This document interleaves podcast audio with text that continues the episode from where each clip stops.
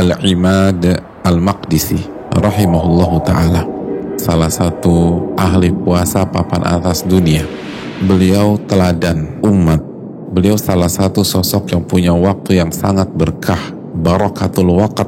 Beliau bukan hanya berkualitas di puasa Ramadan tapi beliau juga menjadi ahli puasa sepanjang tahun. Dan beliau salah satu ahli puasa yang punya ruh dalam puasanya bukan hanya tidak makan dan tidak minum.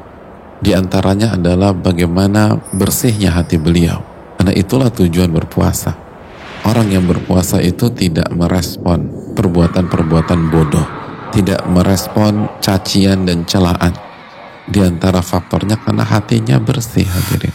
Itu ahli puasa jemaah. Dan ini momentumnya di Ramadan. Beliau suatu hari mendengar ada kelompok orang melakukan kemaksiatan. Lalu beliau samperin. Lalu belum melakukan amar ma'ruf nahi mungkar. Eh digebukin jamaah. Sampai pingsan. Itu penguasa pada saat itu marah jamaah sekalian. Kok bisa kalimat al-maqdisi dipukulin? Lalu ditangkap itu para pelaku. Dan mau dieksekusi. Begitu beliau mengetahui bahwa yang ngegebukin beliau mau dihukum. Beliau datang dan bicara. Intabu walazamus salah. Fala tu'zihim wahum fihil fatabu kalau mereka bertobat kepada Allah dan mereka menjaga sholat maka jangan sakiti mereka. Mereka itu sudah saya maafkan. Akhirnya mereka taubat nggak diapa-apain. Masya Allah. Nabi SAW mengatakan walladhi nafsi biyadi. Demi Allah yang jiwaku ada dalam genggamannya. La yada'ullahu rahmatahu illa ala rahim. Allah tidak akan memberikan dan meletakkan rahmatnya kecuali kepada orang yang penuh kasih sayang dengan sesama.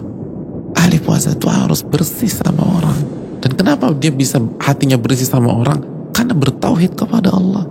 Makanya pertanyaan puasa kita ini sudah punya roh atau belum? Sudah benar merasuk ke dalam hati atau belum?